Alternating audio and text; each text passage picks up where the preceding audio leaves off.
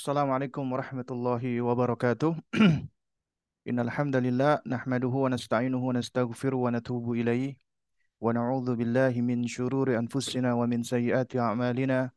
May yahdihillahu fahuwal muhtad wa may yudlil falan tajida lahu waliyyan mursyida. Asyhadu an la ilaha illallah wahdahu la syarika lah wa asyhadu anna Muhammadan abduhu wa rasuluhu la nabiyya ba'dahu amma ba'du.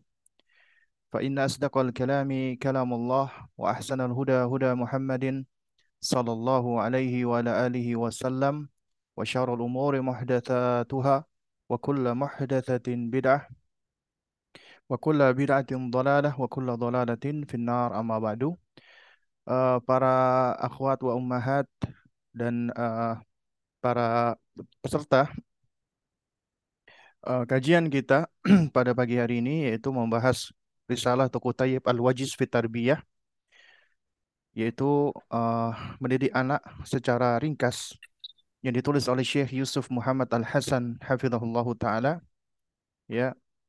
Dan kita sudah sampai di bab tentang pendidikan anak ya ketika uh, mereka masuk ke usia bayi ya. Di usia bayi. Di pertemuan yang lalu ya kita telah membahas tentang apa saja sih ketika seorang hamba atau seorang muslim itu dikaruniakan Allah Subhanahu wa taala anak ya. Nah, jadi yang hendaknya dilakukan oleh orang tua muslim ketika Allah Subhanahu wa taala mengkaruniakan kepadanya ya anak ya, hendaknya yang pertama yang dilakukan adalah dia uh, menyiarkan berita gembira atau al-bisyarah dan mengucapkan tahniah atas kelahiran ya. Ini udah kita bahas. Lalu kemudian setelah itu yang dilakukan oleh orang tua hendaknya mengazani telinga bayi. Meskipun ada khilaf di antara para ulama. Karena ada di antara ulama yang mendaifkan hadis ini. Namun ala kulli hal ini adalah suatu hal yang dipraktekkan oleh sebagian salaf bagi mereka yang tidak beranggapan bahwasanya uh, hadis atau ya Nah, ini uh, saya mute dulu ya, mungkin ada yang nggak sengaja. Nah, jadi mengadani telinga bayi itu sebagian ulama mendaifkan, dia menilai hadisnya daif, hadisnya lemah. Bagi mereka atau bagi teman-teman sekalian yang cenderung berpegang dengan pendapat sebagian besar ulama ahli hadis yang mendoifkan hadis dari Abu Rafi tentang mengazani telinga bayi. Ya, sementara ini hadis yang paling baik ya di antara hadis-hadis yang lainnya, yang mana hadis yang lainnya itu kebanyakan doif jiddan bahkan ada yang maudhu, ada yang palsu. Ya. Nah, di antara hadis yang paling baik adalah hadis Abu Rafi ini tapi ini juga hadis yang tidak lepas dari uh, statusnya uh, memiliki kelemahan.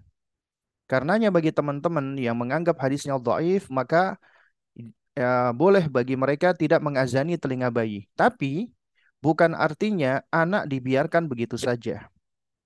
Karena banyak juga riwayat-riwayat dan akwal dan af'alus salaf mereka memperbanyak mentasmi' bayi dengan kalimat toyibah. Artinya tidak mesti harus diazani, boleh bagi orang tua itu mengucapkan kalimat-kalimat zikir atau membaca ayat-ayat Al-Quran tanpa mengkhususkan ya bacaan tertentu. Karena mengkhususkan butuh dalil. Jadi kita boleh baca apa saja. Boleh baca kapan saja. Ya, agar anak terbiasa untuk mendengarkan kalimat-kalimat toyibah dari semenjak masih bayinya, dari semenjak masih kecilnya. Nah, uh, ini suara saya masih jelas atau atau kecil ya karena kok di chat ada yang jelas. mengatakan suara kecil. Jelas ya? Jelas, oh, nah. Baik. Nah, jadi poin tentang masalah mengazani bayi di sini adalah ya bagi yang uh, menganggap hadisnya dhaif maka tidak perlu mempraktekkan tapi boleh-boleh saja dia praktekkan atau dia ganti dengan bacaan-bacaan yang lain dengan zikir dengan tilawatul Quran atau yang semisalnya Namun bagi mereka yang mempraktekkan dengan anggapan ya karena ada sebagian ulama yang menghasankan hadis ini, maka silakan gitu. Ini urusannya adalah urusan yang lapang. Maka sepatutnya kita bertasamuh. Kita bertoleran di dalam hal yang memang ada dalilnya dan ini khilaf salafat. Ya, artinya khilaf dari zaman dahulu. Ya, nah. Kemudian yang dilakukan berikutnya kepada bayi adalah teknik. Ya, yaitu teknik. Nah, jadi mentahnik ya. Ini juga di antara tuntunan baginda Nabi yang mulia alaihi salatu Ya. Ini juga sudah kita bahas yaitu kita mengoleskan kurma yang sudah halus dikunyah ya kemudian kita ambil dengan jari kita yang bersih, jari telunjuk kita misalnya yang sudah kita bersihkan dan kurmanya sudah halus, sudah lembut, kemudian dioleskan pelan-pelan. Ya, bukan ditempelkan tapi dioleskan pelan-pelan ke langit-langit mulut bayi. Bukan ke lidahnya, bukan ke pipi bagian dalam. Ya, bukan ke gusi. Ada sebagian orang yang keliru melakukan teknik itu di ada kayak kayak giginya disikat ya, jadi gusinya digosok-gosok mulutnya tidak.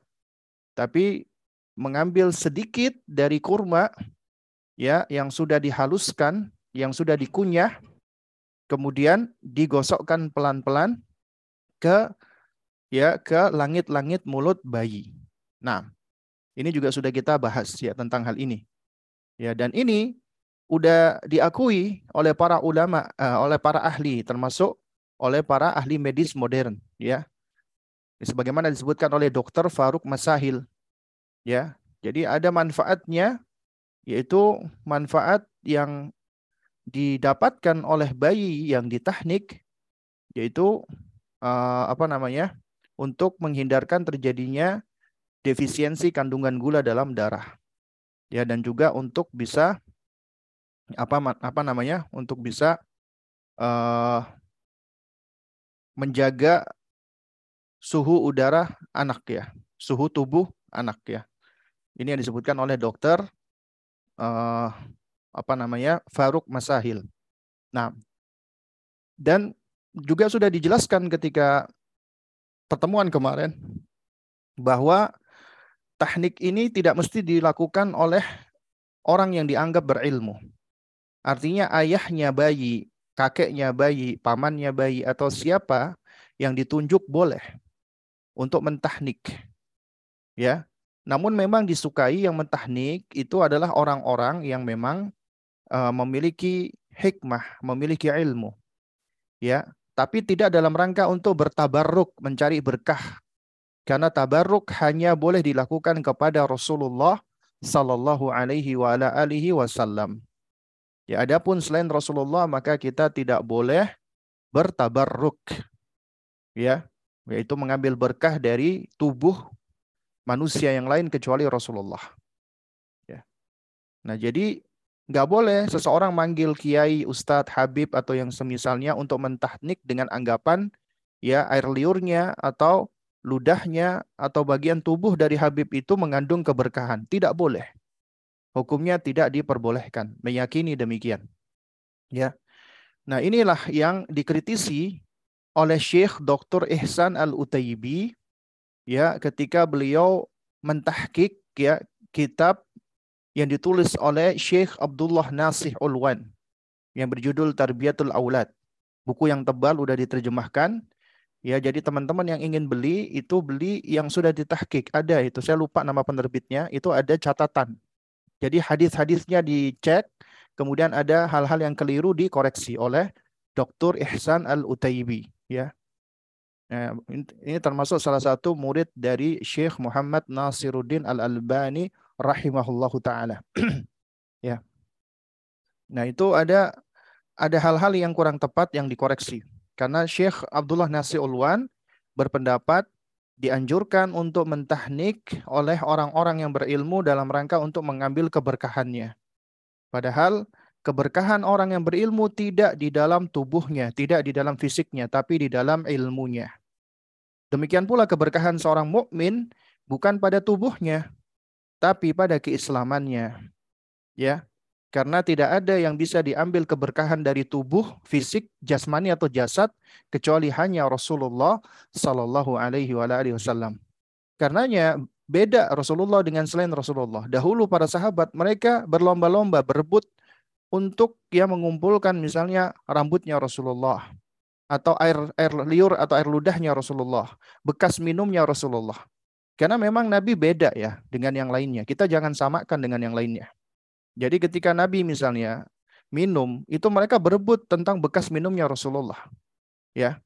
Nah, adapun selain Rasulullah, meskipun itu dikatakan sebagai ya diklaim sebagai keturunan Rasulullah, maka kita nggak boleh meyakininya. Sekarang kebanyakan kaum muslimin mereka mudah untuk di mohon maaf ya dibohongi dengan hal-hal seperti ini. Ya, mereka berebut untuk mencium tangan katanya seorang habaib, apa seorang habib ya. Karena ada berkahnya atau mereka berebut untuk mohon maaf ya di ludahi air minumnya karena ada berkahnya. Ini keyakinan-keyakinan yang tidak benar. Ya. Karena ketika Rasulullah Shallallahu alaihi wasallam wafat, ya, nggak ada satupun yang melakukan hal ini kepada keturunan Nabi seperti Al Hasan dan Al Husain, nggak ada. Juga kepada Al Abbas, pamannya Rasulullah, ya. Jadi mereka tidak melakukan hal yang seperti ini. Karenanya ketika kita mengamalkan sesuatu, maka perhatikanlah keyakinan-keyakinan yang muncul di dalam amalan tersebut. Ya, apakah uh, keyakinan itu benar atau tidak? Kemudian baru kita masuk ke memberikan nama anak ya. Nah, jadi di antara haknya anak atau buah hati yang wajib ditunaikan oleh orang tua adalah harus diberikan nama dengan nama yang baik. Inilah di antara kelebihan yang Allah berikan kepada kita manusia. Allah berikan kepada kita muslim. Allah berikan kepada kita kemampuan untuk at-tasammi, kemampuan untuk memberikan nama. Kita itu bisa memberikan nama, bisa memberikan atribut, bisa memberikan sifat, ya. Apa namanya? Uh, kepada segala sesuatu gitu loh, ya. Nah, sehingga Allah berikan kepada manusia kemampuan untuk bisa memberikan nama, ya. Dan sebenarnya ini adalah ilmu yang sudah Allah Subhanahu wa taala berikan kepada siapa? Kepada bapak kita, Abul Bashar, Nabiullah Adam alaihissalam. Ya. Karena apa namanya? Allah lah yang mengajarkan bapak kita untuk bisa memberikan nama kepada segala sesuatu. Coba kita tengok nih di dalam surat Al-Baqarah ayat 30, 31 dan seterusnya. Ketika Allah Azza wa Jalla ya hendak menciptakan Nabiullah Adam alaihissalam. Dan kemudian Allah sudah menentukan akan menempatkan manusia ke muka bumi ini. Allah berfirman, "Wa idh qala rabbuka lil malaikah dan ingatlah ketika Robmu berfirman kepada malaikat, Inni ja'ilun fil ardi khalifah. Sesungguhnya aku akan menjadikan di muka bumi ini khalifah. Ya, yaitu para pemakmur yang akan memakmurkan bumi. Kemudian apa kata malaikat? Qalu ya ataj'alu fiha may yufsidu fiha ya wa yafsikud dima. Apakah engkau ya Allah ya akan menjadikan di dalamnya orang-orang yang akan merusak ya dan orang-orang yang akan menumpahkan darah. Jadi malaikat ber, malaikat bertanya kepada Allah Subhanahu wa taala, "Ya Allah, apakah Engkau hendak menjadikan ya makhluk yang akan merusak dan menumpahkan darah di muka bumi tersebut ya?" Kenapa malaikat berkata demikian? Kata para ulama, ini bukan bentuk penentangan malaikat, bukan bentuk mempertanyakan keputusan Allah, tidak. Tapi ini adalah bentuk pertanyaan murni. Kenapa? Sebagai indikasi ternyata sebelum manusia sudah ada makhluk yang menempati bumi ini dan mereka berbuat kerusakan. Dan mereka gemar menumpahkan darah. Makanya ketika Allah menciptakan hendak menciptakan manusia, malaikat bertanya kembali, "Ataj'alu fiha fiha wa yafsikud dima?" Apakah engkau hendak menjadikan ya Allah di muka bumi ini mereka yang akan berbuat kerusakan dan akan menumpahkan darah. Wa nahnu nusabbihu bihamdik. wa nuqaddisulak. Dan kamilah yang senantiasa ya bertasbih memujimu dan dan mensucikan dirimu. Kemudian apa kata Allah Subhanahu wa taala? Allah menerangkan dengan tegas, qala inni a'lamu ma la ta'lamun. Sesungguhnya aku Allah ya lebih tahu atas apa yang tidak kalian ketahui. Karena ilmu Allah luas, ilmu Allah sempurna. Berbeda dengan malaikat, sebetapapun tinggi kedudukan malaikat, tetap malaikat itu ya tidak akan bisa memiliki ilmu yang sama dengan Allah. Ya, ada keterbatasan. Yang tidak terbatas adalah ilmunya Allah. Nah, kemudian Allah terangkan nih tentang nanti manusia yang akan Allah tempatkan di bumi dan keturunannya. Allah berikan kepada manusia kemampuan. Ya, Allah ajarkan kepada bapak kita wa 'allama Adam al-asma'a kullaha dan Allah ajarkan kepada Adam al-asma'a kullaha, semua nama-nama. Allah ajarkan semua nama kepada Nabiullah Adam alaihissalam. Sehingga bapak kita itu mampu untuk memberikan nama kepada segala sesuatu. Inilah yang akhirnya muncul menjadi ya kemampuan komunikasi verbal, berbahasa pada manusia. Allah yang mengajarkan kita untuk bisa menjelaskan dan berbicara. Sebagaimana Allah terangkan dalam surat Ar-Rahman, Ya allamal Quran khalaqal insan allamahul bayan. Allamahul bayan Allah yang mengajarkan manusia mampu untuk menjelaskan, mampu untuk berbicara, mampu untuk berkata-kata. Ya. Jadi Allah ajarkan kepada Adam semua nama-nama, ya. Sementara malaikat itu ya Allah uji, ya. Karena setelah itu Allah jelaskan thumma aradahum 'alal malaikah. Ya. Kata Allah Subhanahu wa taala, kemudian Allah tampakkan, Allah perlihatkan kepada malaikat ya tentang sesuatu. Faqala kemudian Allah tanya kepada malaikat, "Ambiuni bi asma'i haula'i in kuntum sadikin," kata Allah kepada malaikat. Kalau begitu coba kalian sebutkan apa nama benda-benda ini jika kalian benar. Ya. Nah, ini Allah jelaskan kepada malaikat. Kalau gitu, kalian sebutkan apa nama benda ini? Apa jawaban malaikat? Qalu subhanaka. Maha suci engkau ya Allah. La ilma lana illa ma'alamtana. Nah ini perhatikan bagaimana tawaduknya malaikat. La ilma lana illa ma'alamtana. Kami nggak punya ilmu kecuali yang engkau ajarkan kepada kami. Kami nggak nggak punya pengetahuan kecuali yang engkau ya sampaikan pengetahuan itu kepada kami. Innaka antal alamul ghuyub. Innaka anta ya al alimul hakim. Afan. Ya innaka antal alimul hakim. Sesungguhnya engkau adalah yang maha berilmu lagi maha bijaksana. Nah, baru kemudian Allah tanya kepada Adam, Qala ya Adam, wahai Adam, ambihum bi asma'ihim. Kalau begitu engkau sampaikan, ya engkau jelaskan nama-nama benda-benda tersebut. Ya falamma amba'ahum bi asma'ihim. Ya, kemudian ketika Nabiullah Adam alaihissalam mampu menyebutkan nama-nama ya apa yang ditunjukkan oleh Allah, qala alam akul lakum Ya bukankah aku telah sampaikan kepada kalian inni a'lamu ghaibas samawati wal ardi. Sesungguhnya aku lebih tahu tentang ya apa yang tersembunyi, ya rahasia langit dan bumi. Ya. Wa a'lamu ma tubduna wa ma kuntum taktumun. Dan aku lebih tahu tentang apa yang kalian tunjukkan, kalian perlihatkan dan apa yang kalian sembunyikan. Nah, jadi Allah terangkan nih kelebihan Nabi Allah Adam alaihissalam. Baru kemudian setelah itu Allah perintahkan kepada malaikat dan termasuk iblis untuk sujud kepada bapak kita wa idqulna lil malaikati. Dan ingatlah ketika kami ya perintahkan kepada malaikat ya usjudu li adamah.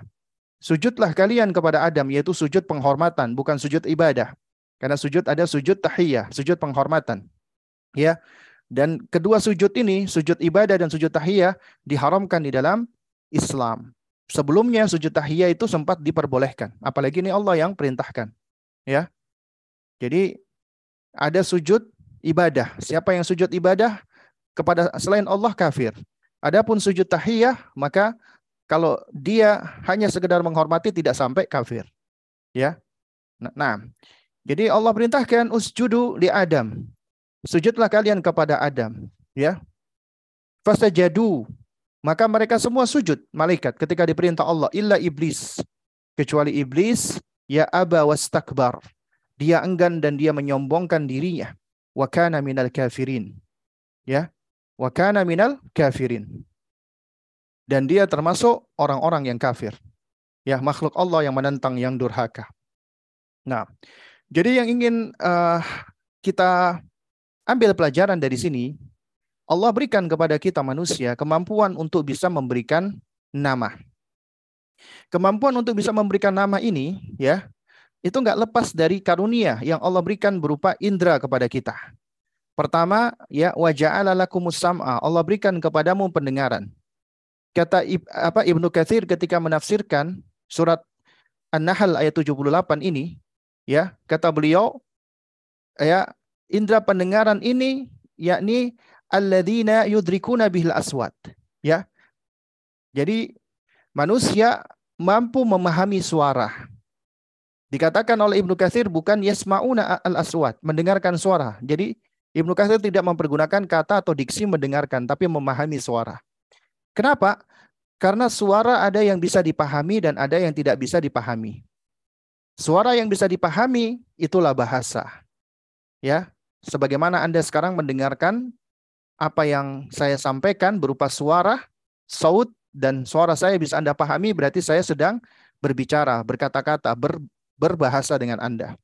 Berarti kita diberikan Allah kemampuan untuk mendengarkan dan memahami apa yang didengar.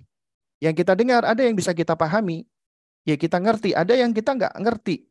Misalnya ada suara hewan atau suara manusia yang sedang apa komat kamit yang nggak jelas ngomong yang nggak jelas, kita nggak tahu artinya. Maka itu tidak dikatakan dia sedang berbahasa. Ya. Kemudian ya al-absar Allah berikan kepada kita penglihatan. Yang menarik kata Ibnu Katsir rahimahullahu taala ya beliau mengatakan ya alladhi yahussuna biha al-mar'iyat.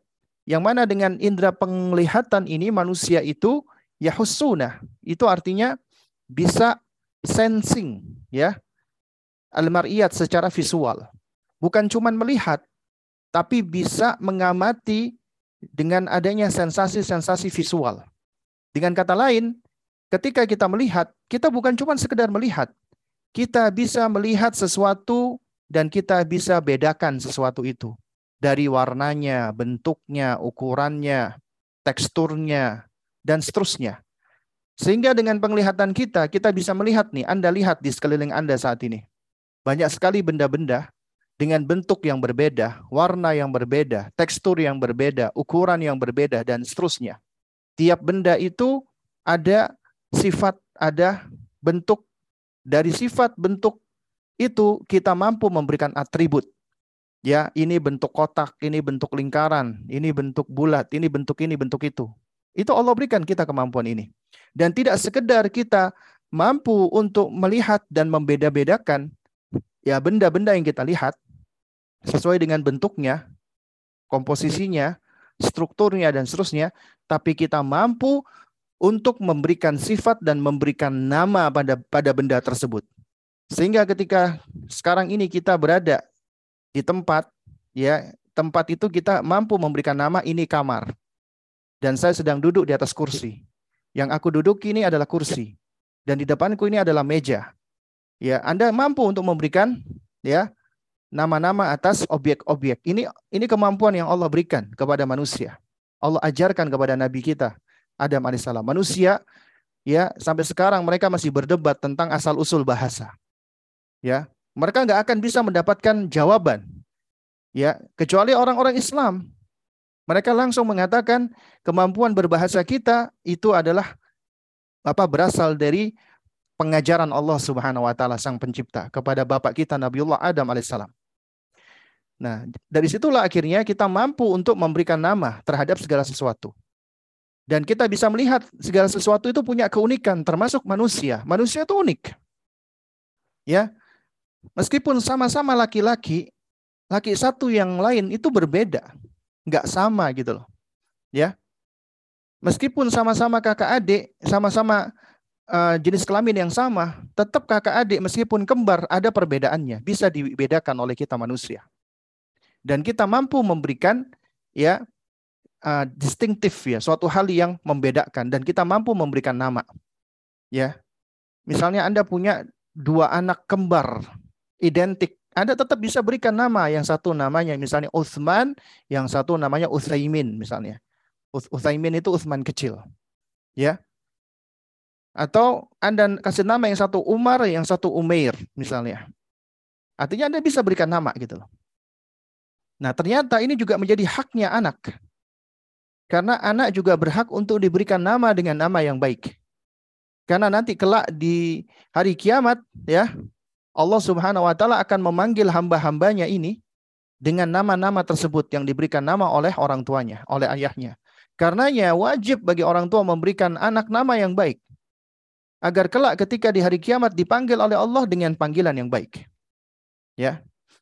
Nah, di antara nama yang paling baik sebagaimana diriwayatkan oleh sahabat Abu Wahab Al-Khatsami ya bahwasanya nabi kita yang kita cintai Muhammad bin Abdullah sallallahu alaihi wa ala alihi wasallam Allahumma salli wa sallim wa barik alaihi itu bersabda ya beliau mengatakan apa? Hah? Tasammu bi asma'il anbiya. Berikan nama anak-anakmu dengan nama para nabi. Jadi kita dianjurkan untuk memberikan nama anak-anak kita dengan nama para nabi karena itu impactnya luar biasa. Karena ketika dia tahu namanya Ibrahim, namanya Isa, namanya Musa, namanya Muhammad misalnya, ya, kemudian dia tahu nama ini sama dengan nama nabi dan rasul, orang-orang yang baik, orang-orang yang saleh, maka akan muncul di dalam dirinya kecintaan kepada sosok tersebut. Dan kemudian akan mendorong dirinya untuk meniru dan mencontoh orang tersebut. Nah, makanya apabila Anda kasih nama anak Anda dengan nama orang kafir, ya misalnya Anda kasih nama apa namanya? Ronaldo misalnya. Anak tahu, oh abiku ngasih nama aku Ronaldo. Kemudian dia tahu Ronaldo siapa? Ternyata pemain bola. Muncul dalam dirinya senang sama Ronaldo. Muncul dalam dirinya ingin ikut-ikut niru-niru Ronaldo. Oh ternyata Ronaldo nggak pernah sholat. Ternyata Ronaldo itu bukan muslim. Ternyata Ronaldo itu begini dan begitu. Coba bagaimana dampaknya, impactnya. Ketika Anda memberi nama dengan nama-nama dari sosok orang-orang yang tidak baik. Atau misalnya Anda kasih nama anak Anda dengan nama Kim Jong-un misalnya. Aktor Korea atau nggak tahu siapa itu ya. Ya, Ketika dia gede, dia lihat, oh ternyata orangnya seperti ini. Wah, ganteng, Masya Allah. Tapi ternyata orangnya ya suka macak kayak cewek. Suka pakai kosmetik tebal. Kemudian suka nyanyi-nyanyi dan lain sebagainya. Akhirnya apa? Mereka akan mengikuti keburukan-keburukan yang juga ada pada orang tersebut. Tapi beda halnya apabila Anda berikan nama dengan nama orang-orang saleh, namanya para nabi. Kemudian kata Nabi SAW, wa ahabul asma'i ilallahi ta'ala Abdullah wa Abdurrahman. Nama yang paling disayangi, dicintai Allah. Ya, kita pengen dong agar kita disenangi, disayangi, dan dicintai Allah. Dan di antara nama yang disayangi dan dicintai Allah itu adalah Abdullah dan Abdurrahman. Karena ini mengandung penghambaan kepada Allah. Karena kelak ketika anak kita ngerti tentang namanya, aku hamba Allah. Dia bangga. Kenapa? Karena aku ini adalah hambanya sang pencipta Allah subhanahu wa ta'ala. Dia senang namanya disandarkan kepada Allah. Sebagai hamba Allah. The, apa namanya? Apa namanya? Servant of God. Ya. Ya, misalnya begitu ya. Jadi pelayannya Tuhan, ya, hambanya Tuhan, hambanya Allah Subhanahu wa taala. Atau aku adalah hambanya Ar-Rahman, Rob yang Maha Penyayang. Ya, kemudian wa asdaquha dan nama yang paling jujur, yang paling benar adalah Haris. Ya, wa Hammam, ya, nama Haris dan nama apa Hammam, ya. Di antara makna Haris adalah kesatria, apa pemberani, penjaga. Ya, adapun Hammam adalah orang yang semangat, antusias tinggi. Kemudian wa akbahuha, nama yang paling jelek adalah harab wa murrah, artinya perang dan pahit, ya. Atau getir. Nah, adapun memberikan nama, siapa yang berhak? Tentunya ayahnya. Kita nggak bicara tentang budaya patriarki atau yang semisalnya. Nggak ada urusan sama budaya apa patriarki. Karena kita bicara tentang agama nggak pakai budaya. Karena budaya itu adalah berangkat dari pemikiran manusia. Tapi kita bicara dari ya dari ucapan Rasulullah, dari kalamun Nabi, dari Al-Quran dan dari Sunnah. Ya. Karenanya kita nggak ada urusan sama patriarki atau yang semisalnya. Karena para ulama menerangkan yang berhak untuk memberikan nama kepada anak adalah sang ayah. Tapi boleh sang ayah menyerahkan hal ini kepada istrinya, gitu kepada sang ibu. Udah dek, kamu aja yang kasih nama buat anak kita. Boleh, nggak apa-apa. Atau boleh juga pemberian nama ini diwakilkan kepada kakeknya atau neneknya. Boleh. Atau tanya kepada ustadz, ustadz, apa ustadz, ada saran nggak nama buat anak-anak? Boleh-boleh aja. Ya. Atau misalnya datang ke ulama, ya syekh tolong berikan nama untuk anakku. Ya, ini sebagaimana yang dilakukan oleh sebagian sahabat Nabi ketika mereka dikaruniai anak ya seperti ayah Abu Musa al-Ash'ari radhiyallahu taala anhu ketika beliau baru dikaruniai anak laki-laki segera datang kepada Nabi. Ya. Kemudian oleh Nabi SAW ditahnik dan didoakan dengan uh, al-barakah dengan keberkahan dan diberikan nama dengan nama Ibrahim. Ya. Nah, jadi berikan nama, terutama nama-nama yang yang baik. Dahulu Rasulullah SAW bersikap optimis, ya, tafaul, dengan nama-nama yang baik. Al-Hafidh Ibnul Qayyim di dalam kitab beliau yang bernas yang luar biasa bermanfaat yaitu Tuhfatul Maudud bi Ahkamil Maulud ya beliau menjelaskan ya bahwa pernah suatu ketika Nabi yang mulia alaihissalam melihat ada seseorang yang bernama Suhail bin Amr ya Suhail bin bin Amr ketika perjanjian Hudaybiyah Padahal Suhail bin Amr ini ketika itu adalah sebagai wakil dari orang-orang musyrikin Quraisy. Ya. Maka Nabi berkata kepadanya, "Ya sahala amrakum. Semoga urusanmu dimudahkan." Gara-gara apa? Nabi dengar namanya Suhail. Karena Suhail itu ya bentuk tasgir dari kata sahal, artinya kemudahan. Ya. Bahkan pernah ketika itu Nabi melakukan perjalanan, Nabi menghentikan perjalanannya ketika beliau berada di antara dua bukit. Ya. Dan Nabi kayaknya pernah tahu ini. Kemudian beliau tanya kepada sahabat tentang ya nama kedua bukit tersebut. Kemudian dikatakan ini adalah Jabal Makhs, ini adalah Jabal Fadih. Artinya ini adalah gunung yang hina, ini adalah gunung yang aib, yang fadih, apa namanya memalukan. Ya, akhirnya apa? Gara-gara nama Nabi nggak mau lewat ke tempat tersebut. Ya, dengan serta merta Nabi ber, berbelok arah dan tidak berjalan melewati kedua gunung gunung tersebut. Kenapa? Karena di dalam nama itu mengandung apa namanya? Ada tafaul ya, ada harapan. Kalau itu nama-nama yang jelek, maka kita khawatir ya akan kena imbas daripada uh, kejelekan dari nama tersebut. Nah, juga di antara tuntunan Nabi SAW merubah nama-nama yang jelek menjadi nama yang baik. Ya. Jadi kalau ada nama, nama orang, nama tempat jelek, ganti dengan nama yang yang baik. Pernah suatu ketika Nabi SAW ya mengetahui ada seorang wanita bernama Asiyah. Ini apa saya nggak tahu dan nggak habis pikir ketika ada orang tua ngasih nama anak putrinya Asiyah. Asiyah itu wanita durhaka, wanita tukang maksiat. Ya. Ada loh orang tua yang ngasih nama seperti ini. Mungkin itu dianggap sebagai salah satu apa ya namanya uh, kejengkelan ketika dikasih oleh Allah anak perempuan. Karena di zaman itu mereka menganggap anak perempuan aib. Sehingga dikasih nama dengan nama-nama jelek. Atau mereka bangga dengan kemaksiatan-kemaksiatan yang mereka lakukan. Akhirnya dikasih nama dengan nama yang mengandung kemaksiatan. Nah, oleh karenanya diganti oleh Nabi menjadi nama Jamilah. Kemudian ya juga ada seorang laki-laki awalnya namanya Asram. Artinya gersang, kering kerontang diganti oleh Nabi menjadi nama Zur'ah. Artinya subur. Dikasih nama lawannya. Ya, dan juga sebagaimana diriwayatkan oleh oleh Abu Dawud ya rahimahullah. Di dalam sunannya beliau meriwayatkan Nabi pernah merubah beberapa nama.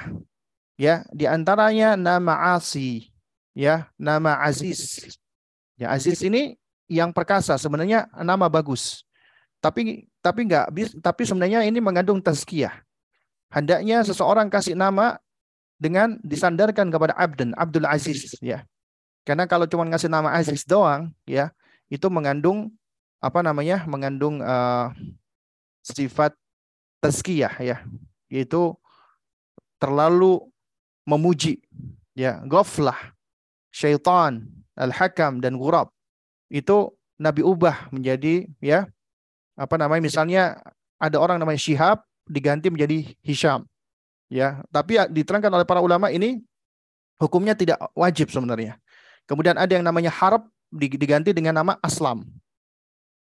Kemudian Nabi juga mengganti nama, ya ada gelaran al-muttaji yang terbaring dengan al-mumba'ith yang bangkit. Kemudian ada sebuah wilayah yang tadinya namanya Ardu Ghafrah, tanah yang kering kerontang, menjadi Ardu Khudrah, tanah yang hijau subur. Ada Qaryah Dolalah, kampung sesat, diganti oleh Nabi menjadi ya Qaryu Hidayah, yaitu kampung hidayah. Ada ya ada kabilah bernama Banu Zaniyah, ya Zaniyah artinya anak zina, itu diganti oleh Nabi menjadi Banu Rushdah. Nah, hendaknya apabila kita dapati ini teman-teman sekalian, ada nama-nama yang jelek, maka hendaknya kita ganti. Kita usahakan untuk mengganti nama dengan nama yang baik. Ya. Misalnya ada nih ya, apa namanya pernah saya suatu ketika itu berada di suatu tempat di Jawa Timur kalau nggak salah. Ya. Di situ ada suatu kampung ya. Uh, saya lupa waktu itu di Tuban atau di Lamongan ya. Nah, itu nama kampungnya itu nggak baik di situ tuh, ya. Jadi nama kampung itu mengandung makna yang jelek. Ya. Jadi kalau saya lupa namanya ya, cuman kalau diartikan itu ya itu artinya kampung uh, perampok gitu loh, ya. Karena katanya dahulu itu daerahnya perampok. Ya cuman ini sekarang anak keturunannya yang udah baik katanya yang yang apa yang tinggal di sana. Tapi nama itu tetap disebut dengan kampung perampok. Saya lupa ada istilah bahasa Jawanya. Ya. Nah, jadi ini nama-nama yang jelek seperti ini itu tidak sepatutnya dipertahankan. Ya, tidak sepatutnya dilestarikan. Seharusnya diganti gitu loh. Karena taruhlah misalnya orang-orang tua dari kampung ini dahulu mereka adalah perampok atau perompak yang berbuat keburukan. Tapi ketika anak-anak keturunannya itu mereka sudah tidak merampok lagi, sudah tidak berbuat kejahatan lagi, maka tidak layak keburukan itu disandarkan kepada anak keturunannya dan dijadikan sebagai nama tempat. Hendaknya diganti nama tersebut, ya. Nah, ini di antara bab tentang nama. Kita lanjutkan dulu, ya. Sekarang kita lanjut ke akikoh, ya. Nah, akikoh ini juga haknya anak. Oh ya, sedikit yang berkaitan tentang masalah nama. Ya, ini karena memang ini kita bahas wajis ya, ringkas ya, karena bahasan nama ini sebenarnya cukup panjang itu ada juga tentang wajibnya untuk memilihkan nama kepada anak sesuai dengan seksualitasnya. Sesuai dengan jenis kelaminnya. Dan dibenci, dimakruh, bahkan ada sampai dalam kondisi haram apabila memberikan nama kepada anak nama yang berbeda, nama yang berlawanan dengan seksualitasnya. Karenanya di dalam Islam, ya nama-nama itu benar-benar tegas distintifnya apa pembedanya? Karena tidak ada laki-laki bernama Khadijah. Laki-laki bernama Aisyah. Laki-laki bernama Maryam.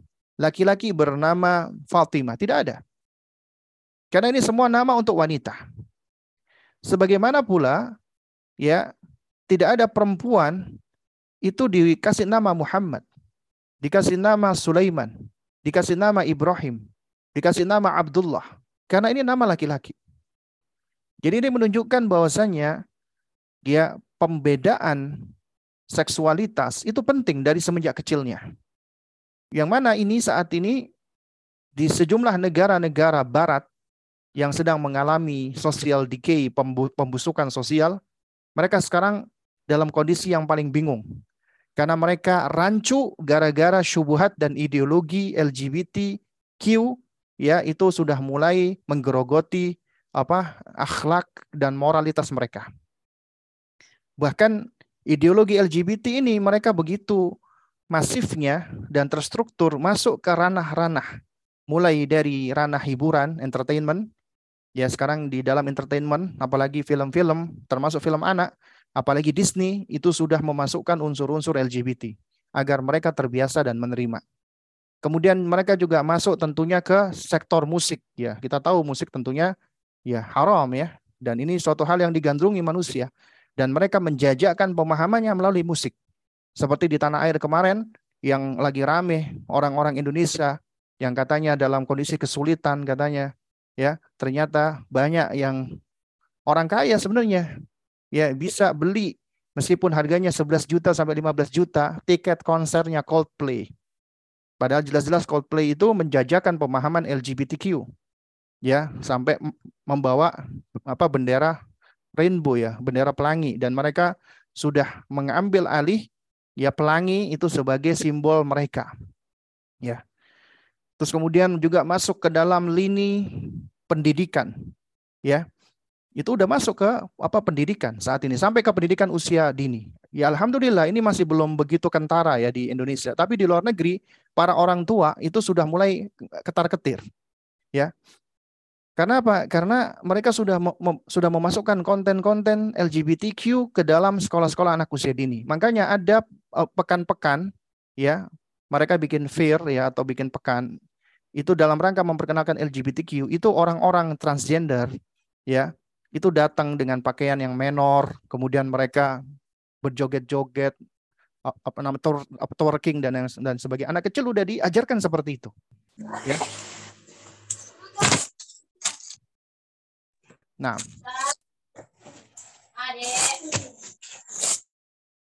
Nah, lalu kemudian selain itu juga apa? Juga masuk ke lini politik. Ya, politik. Amerika saat ini ya itu melalui uh, presidennya mereka Joe Biden saat ini ya itu benar-benar uh, anti apa konservatif ya. Jadi Joe Biden tuh sampai memanggil kalangan LGBT untuk membuat acara di White House di Gedung Putih. Ya. Dan mereka benar-benar mendukung tentang kebijakan-kebijakan LGBTQ. Ya, termasuk kebijakan-kebijakan ya yang sekarang juga mereka masuk ke lini medis dan lini uh, ilmu kejiwaan ya dari kedokteran dan il, uh, apa namanya psikolog ya.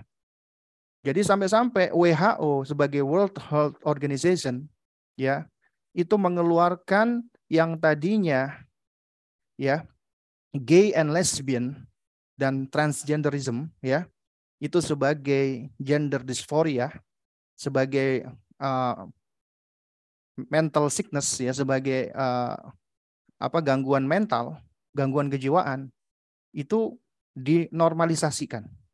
Jadi mereka sudah tidak lagi menganggap ya ini sebagai apa ini sebagai uh, gangguan kejiwaan Ya. Jadi gender dysphoria tidak lagi dianggap sebagai gangguan kejiwaan, tapi dianggap sebagai suatu hal yang normal. Itu sudah diakui oleh WHO sebagai organisasi kesehatan dunia. Dikuasai oleh mereka. Ya, sampai mereka juga masuk ke dalam bisnis. Sekarang itu usaha-usaha bisnis mereka yang globally kayak Starbucks dan lain sebagainya, itu jelas-jelas mereka menjajakan konsep-konsep LGBT, ya. Lalu kemudian belum lagi masuk ke sampai ke ke dunia medis.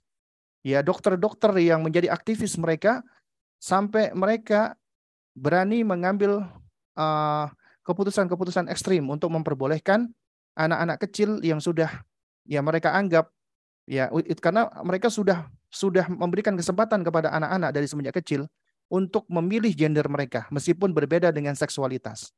Sehingga mereka diperbolehkan untuk dikasih kayak apa namanya hormon blocker ya. Kemudian di usia 13 tahun anak ini diizinkan untuk melakukan operasi kelamin. Waliyadzubillah ini yang terjadi di sana. Dan nggak menutup kemungkinan ini akan diimpor di Indonesia ya.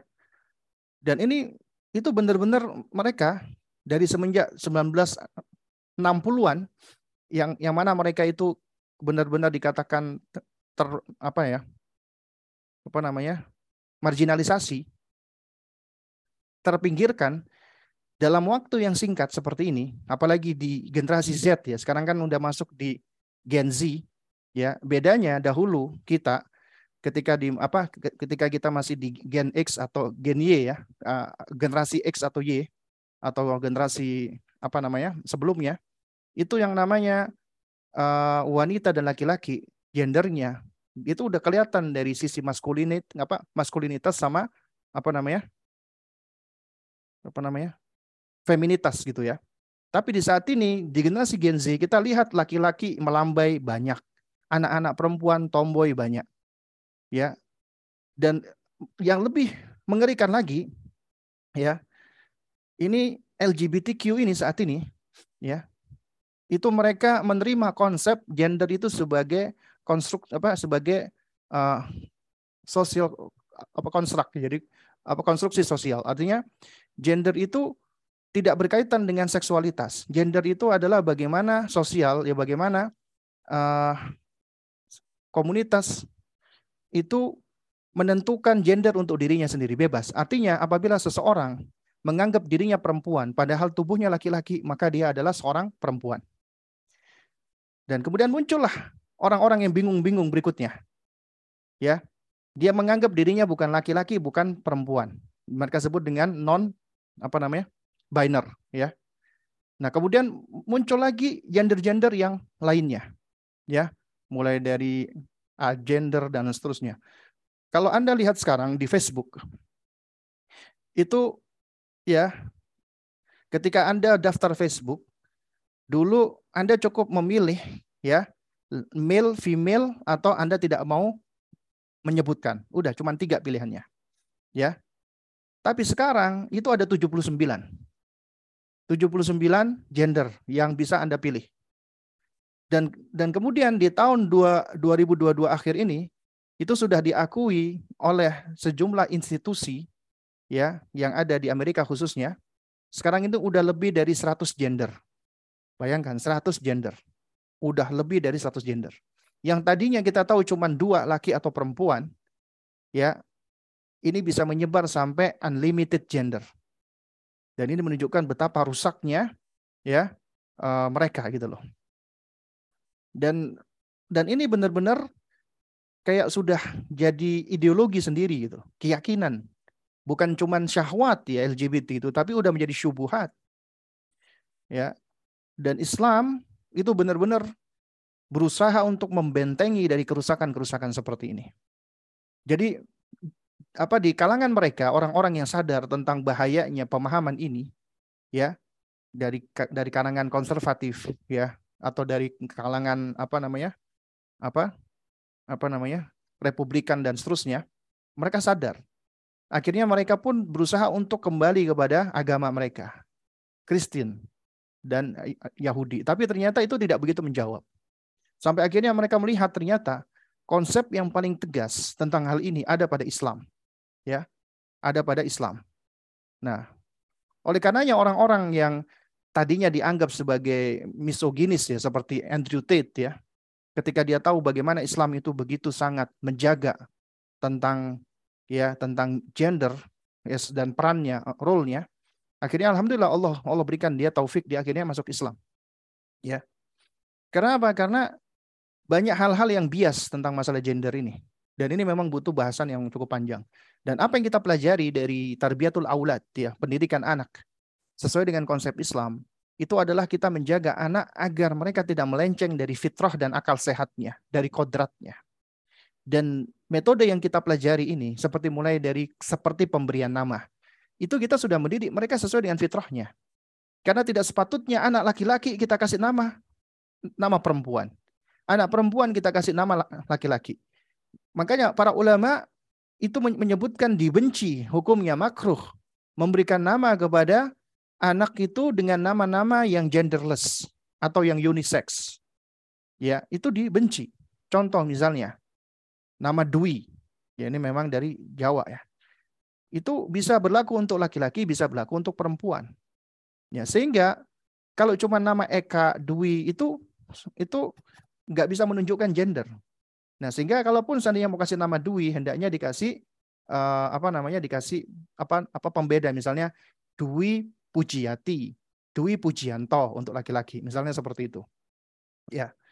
Nah, ini hukumnya sih boleh-boleh saja. Tapi kalau cuma ngasih nama yang tidak kelihatan gendernya, itu suatu hal yang dibenci ya yang nama ini bisa berlaku untuk laki-laki dan perempuan. Karena kita dianjurkan kasih nama di antaranya itu ada pendisting, ada pembeda yang tegas.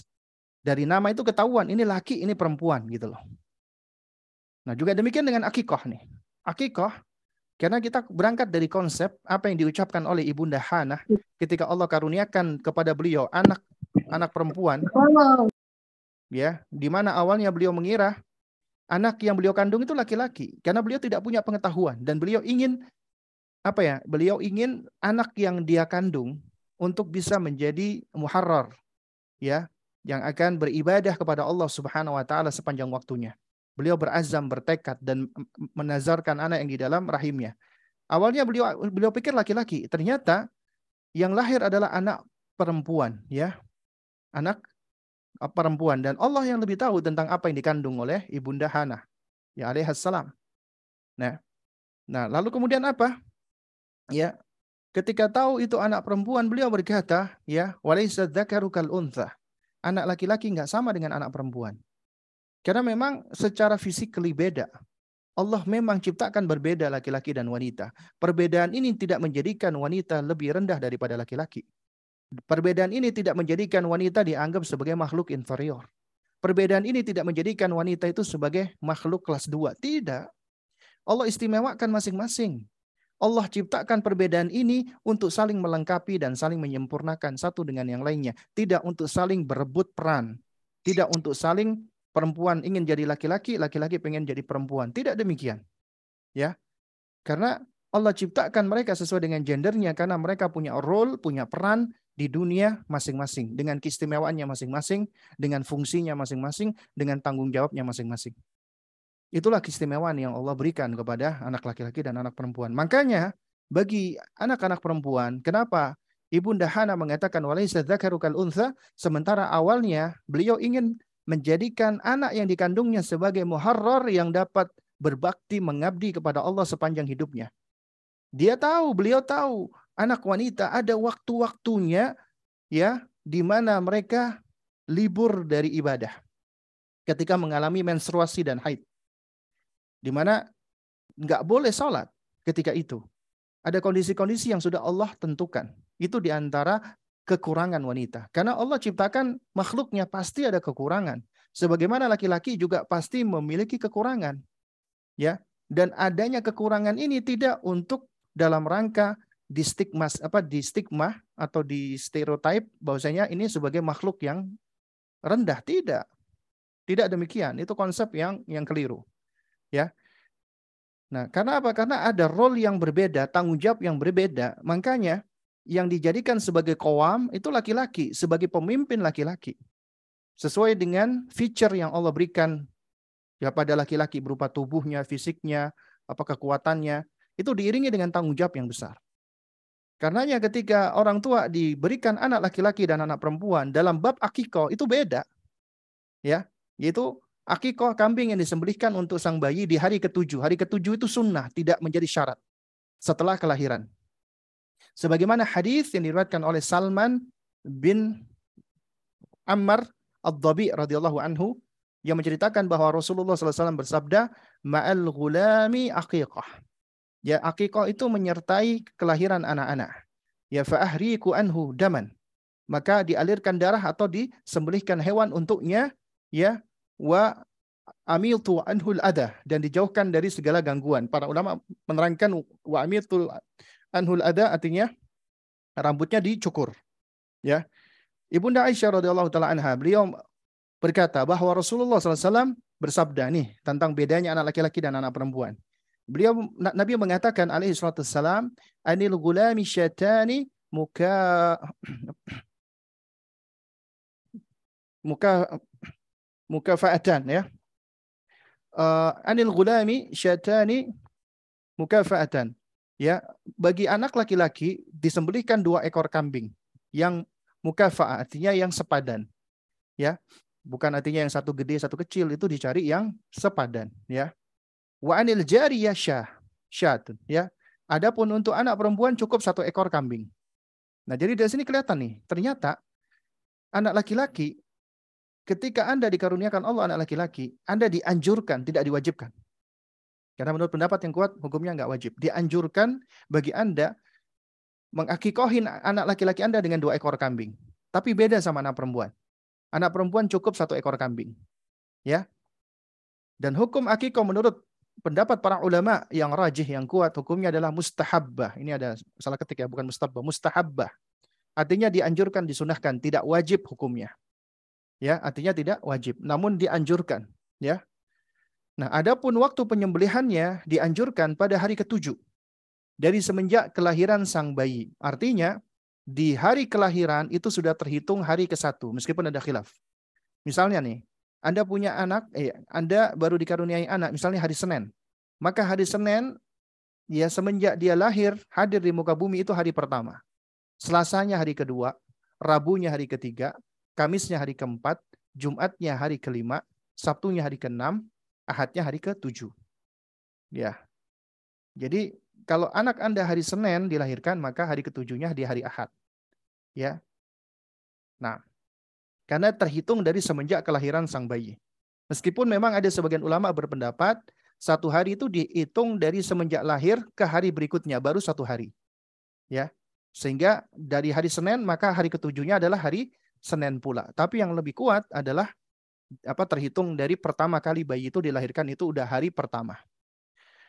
Nah, ini hukumnya disunahkan.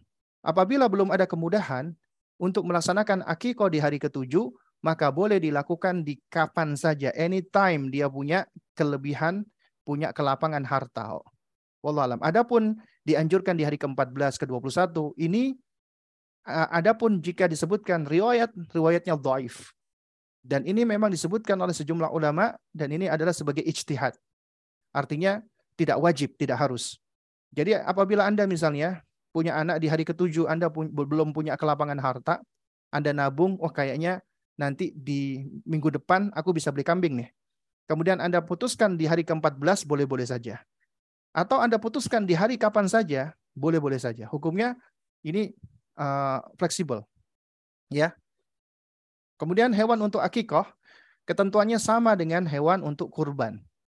Jadi tidak berbeda ya standar uh, hewan kurbannya yaitu dari jenis domba atau doan. Usianya nggak boleh kurang dari enam bulan untuk untuk doan ya untuk jenis domba. Atau kambing usianya nggak boleh kurang dari setahun. Makanya domba dan kambing itu ada perbedaan. Ya. Dan hewan tersebut hendaknya harus terbebas dari cacat.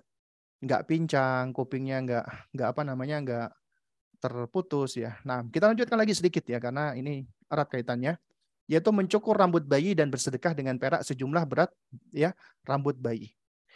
Nah, ini juga kita bisa perhatikan nanti ya bahwasanya mencukur rambut ini itu ulama akan menerangkan ada perbedaan antara laki-laki dan wanita. Ya. Nah, di sini Syekh berkata, di dalam perintah ini terdapat banyak sekali manfaat. Di antaranya dengan mencukur gundul rambut sang bayi akan membantu memperkuat bayi membuka pori-pori kepala, memperkuat ya pula indera penglihatannya, penciumannya, dan pendengaran sang bayi. Kemudian demikian pula dengan bersedekah perak sejumlah berat rambut bayi. Rambut yang dicukur tadi ditimbang, kemudian bersedekah ya dengan perak sejumlah berat tersebut. Itu juga memiliki faidah yang nyata. Ini diriwayatkan dari Ja'far bin Muhammad dari ayah beliau. Beliau berkata, ya, bahwasanya wazanat Fatimah radhiyallahu anha syi'r al-Hasan wal Husain. Fatimah radhiyallahu taala anha beliau pernah menimbang rambut Al-Hasan dan Al-Husain. Ya, wa Zainab wa Umma ya wa, wa Ummi Kulthum ya, serta Zainab dan Ummu Kulthum ya. Jadi ini adalah anak-anaknya Fatimah radhiyallahu taala an, anha. Ya. Fatasadda eh, fatasaddaqat ya bizinati dzalika fiddatan ya. Kemudian baru beliau bersedekah dengan perak sejumlah berat rambut dari anak-anaknya tersebut ya. Nah, jadi beliau uh, mencukur rambut Al-Husain, Al-Hasan Al-Husain, Zainab, Zainab dan Ummu Kulthum ya. Nah, sebagian ulama menerangkan seperti Ibnu Qayyim rahimahullah ya dan juga uh, sebagian dari ulama madhahib, ya ini dianjurkan hukumnya, tidak wajib. Lebih ditekankan untuk anak laki-laki, namun ya uh, pendapat ya, dari yang disandarkan kepada Hambali adalah anak perempuan itu tidak dianjurkan untuk dicukur rambutnya. Ya, sebagian uh, berpendapat boleh dicukur rambutnya. Kenapa? Karena rambutnya anak perempuan itu adalah apa namanya uh, perhiasan bagi mereka, bagi wanita. Ya, sehingga uh, meskipun mereka masih bayi itu tidak dianjurkan untuk dicukur rambutnya. Namun apabila kita merujuk kepada riwayat yang dilakukan oleh Fatimah radhiyallahu taala anha yang diriwayatkan oleh Imam Malik ya meskipun ini ada khilaf ya dan juga di apa kritisi karena disebutkan beliau mengambil rambut Hasan, Hussein, Zainab dan Ummu Kulthum. Artinya Zainab dan Ummu Kulthum juga anak perempuan. Jadi dalam hal ini ya hukumnya adalah boleh-boleh saja Anda cukur rambut anak Anda laki atau perempuan dan bahkan ini dianjurkan ya terutama untuk anak laki-laki dan boleh bagi anak perempuan Anda tidak mencukur rambutnya. Nah, kemudian yang berikutnya berkhitan ya. Nah, ini juga penting. Khitan itu memotong bagian kulfah atau kulub ya. Yaitu bagian kulit yang menutupi kepala penis ya atau zakar atau bagian kulit yang menonjol yang yang berada di atas lubang vagina wanita ya.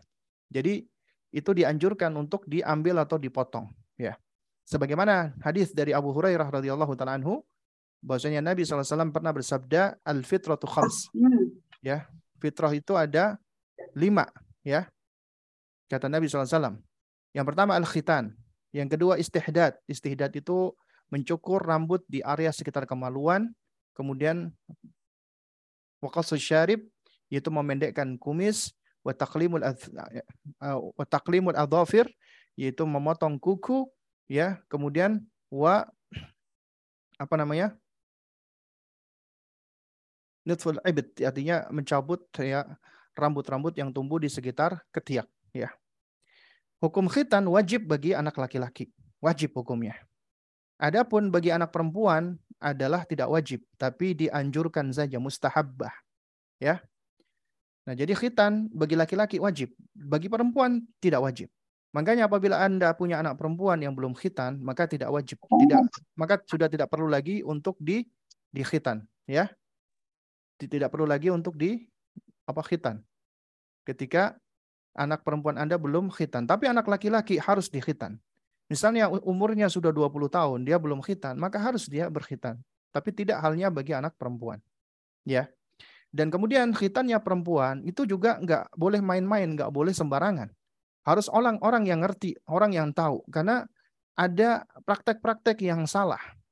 Yang terjadi bukan khitan wanita, tapi yang terjadi adalah malah memotong anggota tubuh yang tidak sepatutnya dipotong. Ya, jadi ada sebagian orang khitan itu malah mohon maaf yang dipotong ya yang apa pada khitan wanita itu yang dipotong adalah pada bagian apa namanya?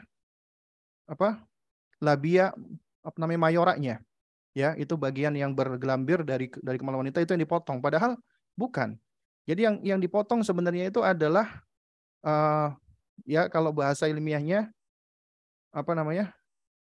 klitoris hood ya, tudung yang menutupi bagian apa, namanya klitoris wanita itu yang seharusnya dipotong sedikit sedikit saja ya. Kenapa?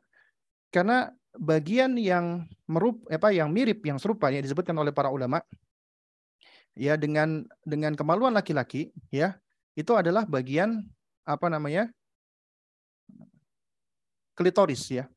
Sehingga bagian yang menutupi klitoris itu ada semacam hood ya ada semacam daging yang tumbuh yang menutup itulah yang dipotong. Jadi yang dipotong bukan bagian bergelambir dari apa namanya?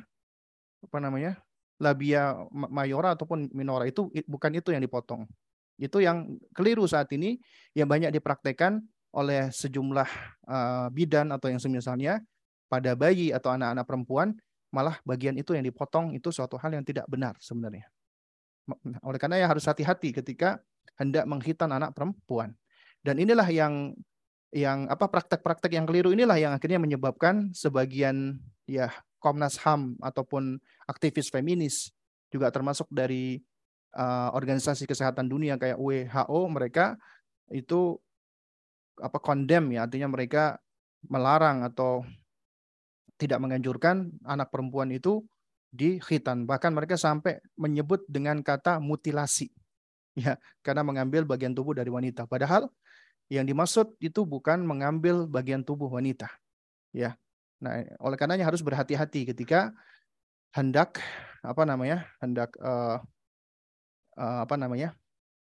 melakukan khitan khususnya bagi perempuan. Nah, Jadi ini uh, poin-poin penting yang kita bisa bahas ya. Nanti berikutnya kita akan lanjutkan ya tentang kesalahan-kesalahan ya. Jadi demikianlah sejumlah ada penting yang sepatutnya bagi orang tua atau wali bersemangat dan berupaya untuk melakukan di periode awal kelahiran anaknya. Nanti pertemuan berikutnya kita baru akan bahas tentang kesalahan-kesalahan yang dilakukan ketika menyambut bayi. Ya, kita penting untuk mempelajari karena ketika kita belajar tentang hal-hal yang salah, kita akan semakin mudah untuk terhindar dari kesalahan tersebut. Sebagaimana dikatakan ya, araftu syarra la li syarri.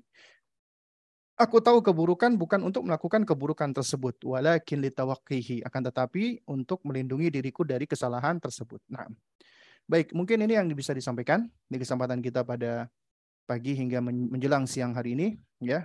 Mungkin berikutnya ada pertanyaan yang bisa saya jawab akan saya jawab, ya yang belum bisa saya jawab ya harap dimaklumi. Nah, ini sudah ada beberapa pertanyaan nih. Dari uh, penanya yang masuk di chat.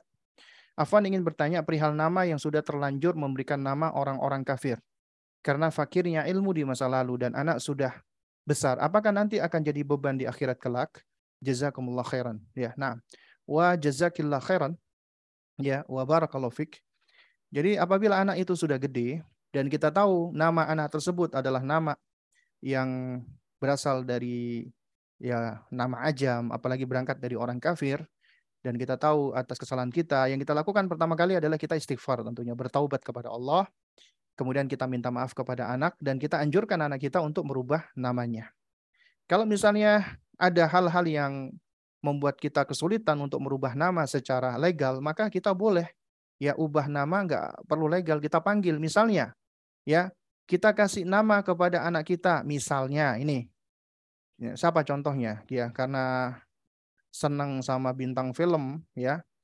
Eh, bintang film Hollywood misalnya kita kasih nama misalnya atau senang sama itunya Facebook ya Mark misalnya Mark apa namanya? Zuckerberg misalnya. Dikasih nama Mark Zuckerberg ya. Itu sudah masuk di akte kelahiran. Kalau bisa diubah ubah ya. Ya meskipun memang cukup ribet ya, tapi kita tahu ini nama nama orang kafir, orang yang uh, meskipun dia di, dianggap sukses di dunia, kita nggak melihat kesuksesan dunia tersebut ya. Maka kita bisa ganti namanya, kita panggil nak, boleh nggak nak mulai sekarang kamu Umi panggil dengan nama Muhammad misalnya, atau Umi panggil kamu dengan nama uh, Ahmad ya, atau yang semisalnya.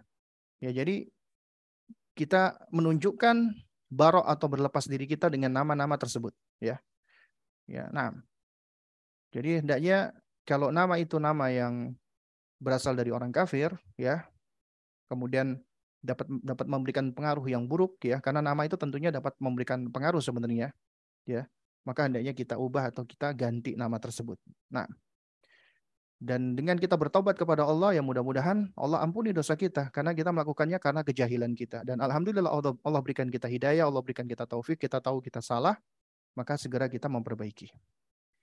Bagaimana jika sudah dewasa namun belum diakikohi? Apakah ada kewajiban untuk mengakikohi diri sendiri? Nah, di sini ada beberapa perincian. Yang pertama, akikoh itu hukumnya tidak wajib, menurut pendapat yang rojih. Sebagian memang ada yang mewajibkan. Tapi menurut pendapat yang lebih kuat adalah akikoh tidak wajib hukumnya. Yang kedua, akikoh itu adalah tanggung jawab orang tua, haknya anak yang di yang dilakukan oleh orang tuanya. Artinya apabila orang tuanya tidak memiliki kemampuan, tidak memiliki kelapangan rezeki, maka gugur ya kewajiban tersebut bagi orang tua tersebut. Kemudian yang ketiga, ya apabila anak ya, ya akikoh itu adalah untuk anak. Artinya ketika status manusia itu masih kanak-kanak. Jadi ketika sudah dewasa, maka menurut pendapat yang lebih rojih pula, sudah tidak ada lagi kewajiban untuk diakik, untuk diakikohi. Tapi boleh ketika orang tua nggak punya harta, kemudian ketika anaknya sudah gede, dia baru Allah berikan kelapangan harta, kemudian dia ingin mengakikohkan ketika anaknya sudah dewasa, boleh-boleh saja. Hukumnya tidak masalah. Kemudian yang keempat, ya, juga tidak ada uh, sebenarnya syariat meng mengakikohi diri sendiri. Karena akikoh itu tanggung jawab orang tua. Ya, akikoh itu tanggung jawab orang tua. Bukan tanggung jawab kita terhadap diri kita sendiri. Kita punya tanggung jawab kepada anak kita untuk mengakikohi anak kita. Tapi kita tidak punya tanggung jawab untuk mengakikohi diri kita sendiri. Artinya apabila kita belum diakikohi, maka tidak ada kewajiban bagi kita untuk mengakikohi diri kita sendiri. Kalaupun kita ingin akikoh, ya maka lebih baik adalah kita berikan harta, uang kepada orang tua kita, ya. Jadi biarkan mereka yang mengakikohi diri kita. Ketika mereka nggak punya uang, ya kemudian kita punya uang, kita kasih uang tersebut kepada orang tua kita, mah, pah, ini aku kasih uang, tolong mah, pah belikan kambing untuk mengakikohi aku karena aku belum di akikohi. Nah, ini yang yang lebih lebih pas ya. Jadi daripada kita mengakikohi diri kita sendiri. Lalu bagaimana kalau orang tua kita meninggal dunia? Ya, kita udah nggak punya orang tua, ya, maka sebenarnya udah nggak ada kewajiban untuk mengakikohi, ya. Dan sebagian ulama itu apa namanya? nggak suka atau membenci makruh, ya. Artinya orang udah gede, udah dewasa, dia mengakikohi diri sendiri. Kenapa? Karena ini suatu hal yang tidak ada keterangannya. Meskipun sebagian ulama lagi berpendapat boleh-boleh saja, silakan dia mengakikohi diri sendiri. Ya. Nah, kalau dia sudah punya kelapangan rezeki. Kemudian mengenai teknik, apakah cara melembutkan kurma untuk teknik itu hanya dengan dikunyah atau bisa di, atau bisa dilembutkan dengan tangan saja? Nah, jadi secara asal teknik itu ya, itu kan dari kata hannaka yuhanniku artinya melembutkan. Ya. Dan melembutkan di sini itu cara yang paling efektif adalah dengan dikunyah dengan mulut, bukan diulek ya. Bukan dihaluskan dengan tangan ya. Tapi tuntunan Nabi SAW menunjukkan adalah dengan cara dikunyah. Ya. Nah, karena itu ya pastikan orang yang akan mentahnik dalam kondisi sehat, tidak dalam kondisi lagi sakit atau punya penyakit menular. Ya, jadi dalam kondisi yang sehat. Karena itu kalau saya pribadi, saya lebih menyarankan hendaknya mentahkik adalah ayahnya sendiri, orang tuanya sendiri atau kakeknya, ya dari kerabatnya. Jadi nggak perlu kita manggil orang dari luar, ustadz atau siapa. Karena saya beberapa kali pernah diundang ada ada acara akikoh, ya sekaligus ketika itu mau tahnik dan ketika saya diminta tahnik, saya sendiri yang menyarankan hendaknya ayahnya yang mentahniknya, ya karena itu yang lebih yang yang yang lebih baik ya, yaitu ketika apa namanya ketika mentahnik, ya sebentar ini kok ada telepon kayaknya. Nah, jadi mentahnik dengan cara dia apa dikunyah, ya. Lalu apabila tidak ada kurma, maka boleh mentahnik dengan yang manis seperti madu. Ya, adapun kalau madu maka tidak perlu dikunyah ya. Jadi cukup tangan yang bersih kita oleskan. Ya ini sebagaimana yang difatwakan oleh Imam Nawawi rahimahullahu taala ya atau benda-benda yang yang manis dan yang bersih ya di antaranya madu itu madu nggak perlu dikunyah karena sudah lembut dia. Jadi tinggal dicelup tangan kita apa disendok ya kemudian kita ambil kemudian kita olesi langit-langit sang bayi. Itu apabila tidak ada kurma. Tapi kita berada di satu zaman yang insya Allah kita bisa mendapatkan kurma dengan mudah. Kita bisa beli. Ya, nggak mesti harus kurma ajwa. Jadi kita bisa dengan kurma apa saja. Nah, Lalu apa apabila anak belum ditahnik, apakah dia perlu ditahnik? Tidak. Hukum tahnik itu adalah sunnah. Kemudian kapan waktu yang paling utama untuk mentahnik? Apakah baru lahir ataukah di hari ketujuh? Ya. Nah, sebenarnya ini juga masalah yang yang apa ya? Yang fleksibel ya. Artinya sama dengan pemberian nama. Ya pemberian nama itu boleh dinamai langsung ketika baru lahir atau boleh di hari ketujuh ditunda. Tapi lebih utama memberikan nama adalah langsung ya. Karena ini juga suatu hal yang dibutuhkan untuk akte ya. Untuk akte ya biasanya di apa di rumah sakit kecuali kalau misalnya melahirkan di rumah nanti baru diberikan nama di apa di hari ketujuh baru itu suatu hal yang boleh-boleh saja. Tapi umumnya umumnya di rumah sakit, rumah sakit sudah minta namanya untuk ya bisa dibedakan dengan anak-anak lain dan sudah sudah bisa untuk mengajukan akte kelahiran. Biasanya begitu. Ya, dan itu sama, ya. Nah, namun sebenarnya yang paling utama adalah tidak langsung ditahnik ketika bayi itu baru lahir. Kenapa? Karena bayi yang baru lahir dia lebih butuh dengan ASI ibunya. Ya. Jadi tahnik ini boleh dilakukan di keesokan harinya atau hari setelahnya atau boleh di hari ketujuh juga boleh. Ya, sekaligus dengan akikoh, sekaligus dengan mencukur rambutnya kemudian ditahnik. Ya, jadi ini urusan yang lapang sebenarnya. Jadi tidak ada ketentuan-ketentuan yang baku, yang pasti ya diharuskan pada hari sekian itu di teknik 6. Toib, apakah masih ada pertanyaan? silakan yang ingin bertanya ya, langsung. Uh, ya. Untuk teman-teman yang mau bertanya langsung boleh raise hand dan buka mic-nya mungkin ya.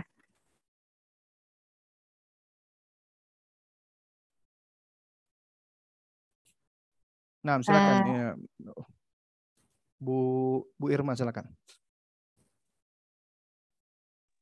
Assalamualaikum Ustadz. Ya, Waalaikumsalam warahmatullahi wabarakatuh.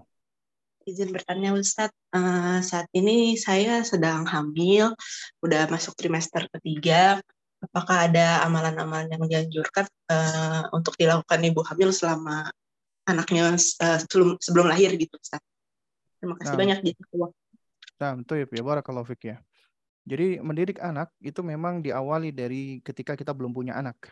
Bahkan mulai dari kita jomblo.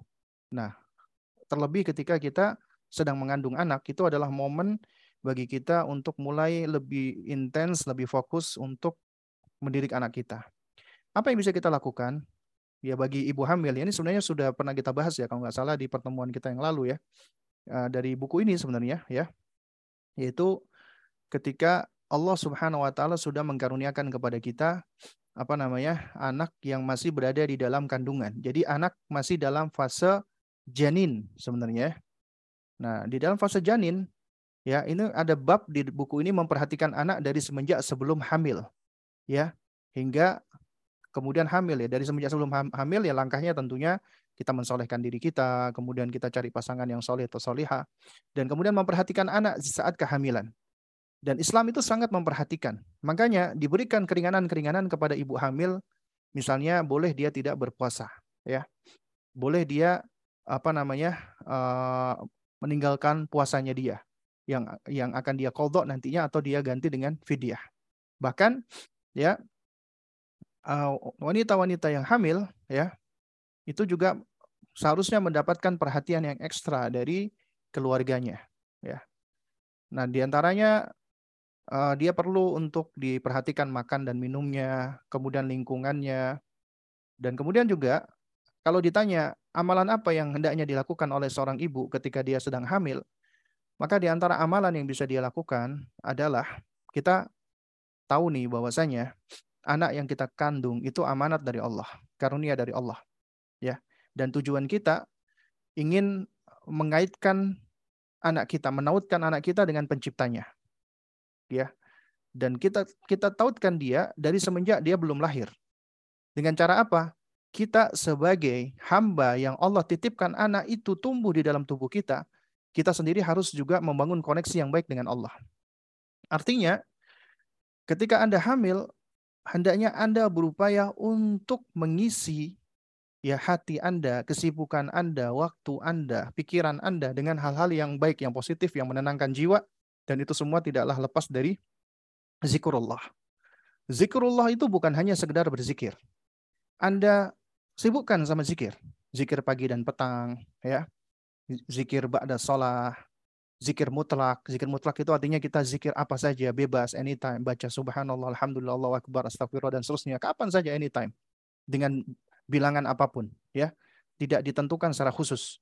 Ya, ada zikir muqayyad. Muqayyad itu zikir di apa di waktu pagi, di waktu petang, zikir ba'da sholat, ya, atau bacaan-bacaan ketika dalam kondisi-kondisi apa namanya tertentu, misalnya uh, bacaan setelah mendengar azan, bacaan ketika kita akan tidur, bacaan ketika kita bangun dari tidur, bacaan kita mau masuk kamar mandi. Jadi kita biasakan ya diri kita itu selalu terkoneksi dengan Allah. Itu tampak dari zikir. Zikir itu berarti menyebut dan mengingat Allah. Ya. Nah, ini di antara zikir, zikrullah. Kemudian zikir yang kedua adalah zikir dengan cara kita membaca Al-Qur'an. Ya membaca Al-Quran mulai dari kita baca sendiri, tilawah, kiroah. Ya, kita sibukkan diri kita untuk tilawah. Kemudian juga di antara baca Al-Quran adalah membaca secara tadabbur. Ini yang lebih utama. Kita baca dan kita pelajari maknanya, tafsirnya, apa pemahamannya. Kemudian juga di antara uh, baca Al-Quran adalah kita mentasmi, istima, mendengarkan Al-Quran. Ya kita setel murotal, kita setel atau kita dengarkan uh, suami kita lagi ngaji, lagi baca Al-Quran, itu insya Allah akan memberikan manfaat untuk diri kita dan bayi kita janin.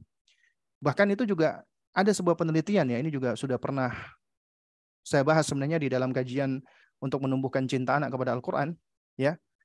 Itu ada seorang peneliti ya dari Jeddah dan juga dari Mesir, ya. Itu ibu-ibu yang biasa memperdengarkan Al-Qur'an kepada janinnya itu biasanya ya ketika anaknya lahir kecenderungan anak untuk ketertarikan kepada Al-Qur'annya itu tinggi, ya. Jadi anak itu yang sudah biasa mendengarkan Al-Qur'an, maka ya alaqah dia dengan Al-Qur'an ketika sudah lahir itu besar. Sehingga dia akan menjadi sosok yang lebih senang untuk bergumul dan berinteraksi dengan Al-Quran. Kenapa? Karena dari semenjak janin, ibunya senang berinteraksi dengan Al-Quran. Baik dengan tilawatan, kiroatan, atau juga dengan istima'an. Ya. Membaca, mendengar, dan juga mempelajari Al-Quran. Apa nama tadabur. Karena membaca Al-Quran juga termasuk zikir. Allah menyebutkan inna nahnu nazzalna dzikra wa inna lahu lahafizun. Ya kamilah yang menurunkan az-zikir Al-Quran. Makanya Al-Quran disebut dengan az-zikir. Dan kami yang menjaga Al-Quran tersebut. Ya, kemudian yang ketiga, di antara aktivitas zikrullah adalah tolabul ilm. Ya, belajar. Menuntut ilmu, tentunya ilmu syar'i, ilmu agama, ilmu kalau Allah wa qala apa namanya? Rasulullah sallallahu alaihi wasallam. Ya, jadi ini adalah juga termasuk aktivitas zikir. Bukankah Allah berfirman, "Fas'alu ahla dzikrin kuntum la ta'lamun." Bertanyalah kalian kepada ahli zikir apabila kalian tidak tahu. Ahli zikir artinya adalah ahli ilmu. Bahkan ketika Anda hadir di majelis-majelis ilmu, majelis-majelis ilmu ini majelis yang akan memberikan sakinah, ketenangan.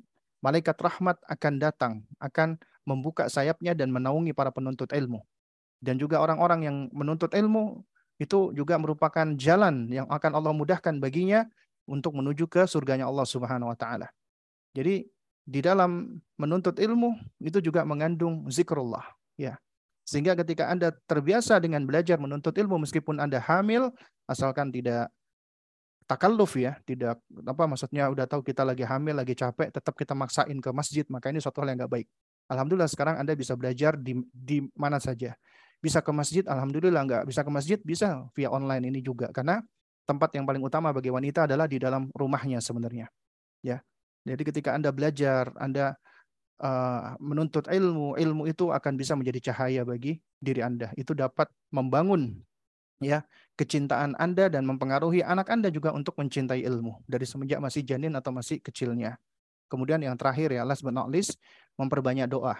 Ya, doa minta kepada Allah agar Allah berikan kesehatan, agar agar Allah mudahkan semua urusan dan yang paling penting itu Allah berikan kita taufik, Allah berikan kita hidayah, Allah istiqomahkan kita dan Allah berikan juga kebaikan untuk anak-anak kita atau anak yang kita kandung agar dia bisa menjadi anak yang soleh dan seterusnya.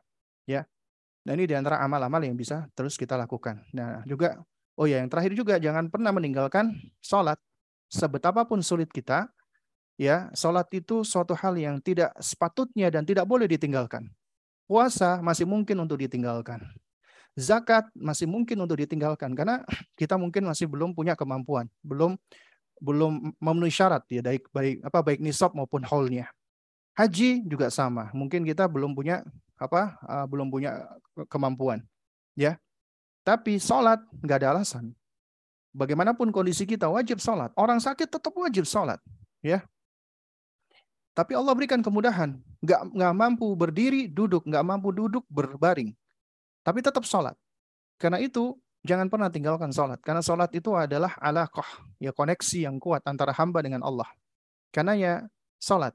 Dan kalau perlu memperbanyak dengan sholat-sholat sunnah yang lainnya. Tapi sesuaikan dengan kondisi Anda. Misalnya Anda sulit untuk sujud, ya misalnya, maka Anda diberikan rukhsah sholat nggak perlu sujud.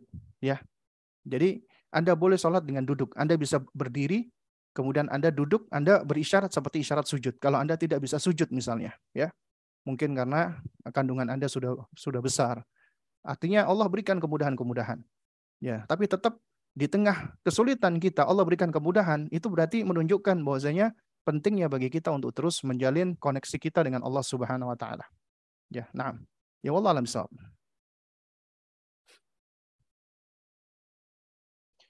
Nah, Toib ya, sepertinya sudah semua ya. Oh ini ada satu lagi nih. Pemberian nama sunnahnya satu kata atau dua kata. Ini bukan masalah ini ya. Sebenarnya ini sebenarnya kembali ke urf ya. Tapi kalau memang dilihat ya, itu uh, para salaf dahulu ya itu memberikan nama kepada anak-anaknya hanya satu kata. Termasuk Rasulullah Shallallahu Alaihi Wasallam. Ya, Nabi memberikan anaknya itu dengan satu kata semua. Ya, juga demikian eh, apa namanya keturunan Rasulullah, cucu-cucunya Al Hasan, Al Husain, sahabat-sahabat Nabi juga sama. Ya, dan juga para ulama-ulama kita dahulu itu jarang yang ngasih nama dengan nama-nama bertumpuk seperti kita saat ini. Jadi cukup dengan dengan satu nama Muhammad, Abdullah, Abdurrahman. Nah, tinggal disandarkan, dinasabkan kepada bapaknya. Misalnya anak namanya Abdullah, bapaknya namanya Muhammad, kakeknya namanya Abdurrahman, maka Abdullah Muhammad Abdurrahman. Jadi namanya adalah Abdullah, ya. Ini ini yang sebenarnya yang uh, lebih dekat dengan tuntunan. Nah, baik. Baik, mungkin ini ya yang bisa disampaikan pada kesempatan kita ya pada udah jam 11. Mudah-mudahan yang sedikit ini bisa memberikan manfaat. Tentunya yang hak datangnya dari Allah, yang batil datangnya dari diri saya pribadi. Ya, uh, untuk penutup waktu dan tempat saya serahkan kembali kepada host atau moderator kita. Nam, barakallahu fikum. Alhamdulillah